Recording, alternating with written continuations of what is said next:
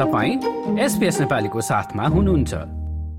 गाजामा इजरायलले जारी राखेको आक्रमण रोकिनुपर्ने अन्तर्राष्ट्रिय जगतको मागमा अस्ट्रेलियाले पनि समर्थन जनाएको छ।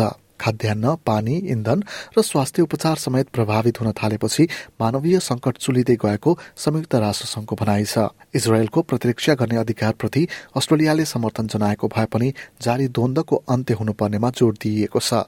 यद्यपि अस्ट्रेलियाको पछिल्लो भनाइले इजरायली सरकार र अस्ट्रेलिया बीचको सम्बन्ध भने केही चिसिने सम्भावना रहेको बताइन्छ।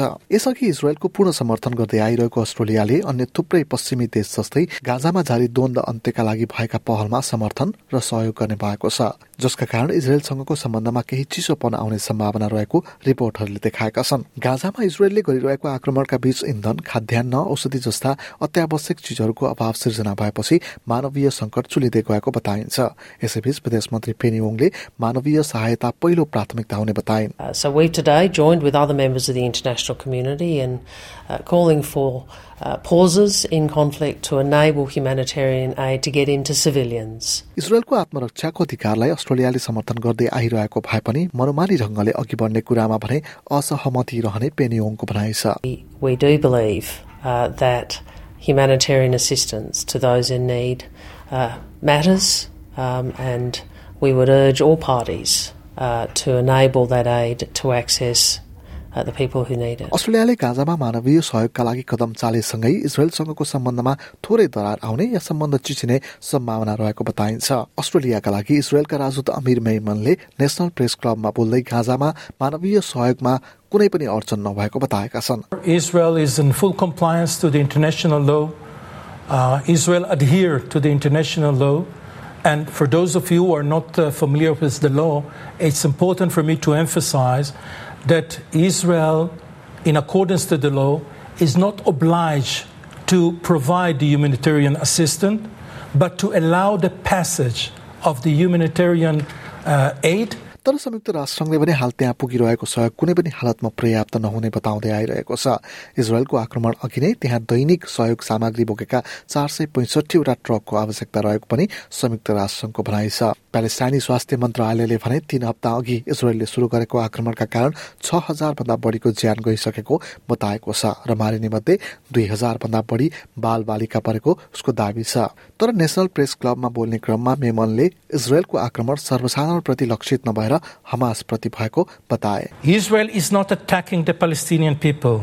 In fact, Israel possesses no threat to the Palestinian Authority in Ramallah as long as it does not join the attack on Israel. तर अस्ट्रेलियामा बस्दै आएका प्यालेस्टाइनी समुदाय भने यसलाई मान्न तयार छैनन् अस्ट्रेलियामा प्यालेस्टाइन एडभोकेसी नेटवर्कका नसिर मास्ने इजरायली राजदूतको बोली र व्यवहार अमानवीय भएको तर्क गर्छन् I'm really hoping that Australia's language might get firmer and stronger.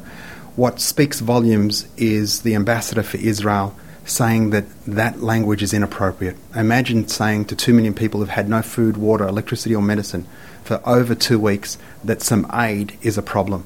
That really speaks to uh, Israel and their intentions in Gaza. And it should be clear to everyone that might not know that Hamas has only been in power since 2006. Israel's had a problem with the Palestinians before Hamas.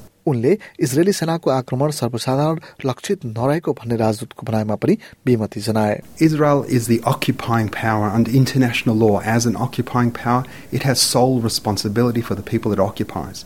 Every Palestinian death at the end of Israeli armaments are absolutely the responsibility of the of the Israeli government. यसैबीच अस्ट्रेलियाले भने मध्यपूर्वको बिग्रदो अवस्थालाई मध्यनजर गर्दै दुईवटा सैनिक विमान द्वन्द्वग्रस्त क्षेत्रमा पठाएको छ त्यहाँ रहेका सर्वसाधारणलाई सहयोग गर्ने लक्ष्यसहित उक्त विमान पठाइएको रक्षा मन्त्री रिचर्ड माल्सले बताए यता हमासले बन्धक बनाएका मध्ये केही मानिस भने बन्धक मुक्त भएका छन् इजरायलले भने संयुक्त राष्ट्रसङ्घका महासचिव एन्टोनियो गुटेरेसको राजीनामाको माग गरेको छ गुटेरेसले गाजामा अन्तर्राष्ट्रिय मानवाधिकार कानूनको उल्लङ्घन भएको बताएपछि इजरायलले महासचिवको राजीनामाको माग गरेको हो यता जेरुसलमको भ्रमणमा रहेका फ्रान्सेली राष्ट्रपति इमानुएल माक्रोनले भने सिरिया र इराकमा आइएसका विरुद्ध लडे जस्तै हमासका विरुद्ध लड्न अन्तर्राष्ट्रिय जगत एकबद्ध हुनुपर्ने बताएका छन् C'est pourquoi la France est prête This is why France is prepared for the international coalition against IS, within which we are engaged for our operation in Iraq and Syria, to also be able to fight against Hamas. I proposed to our international partners, I discussed it with you this morning, that we can build a regional and international coalition to fight against the terrorist groups that threaten us all.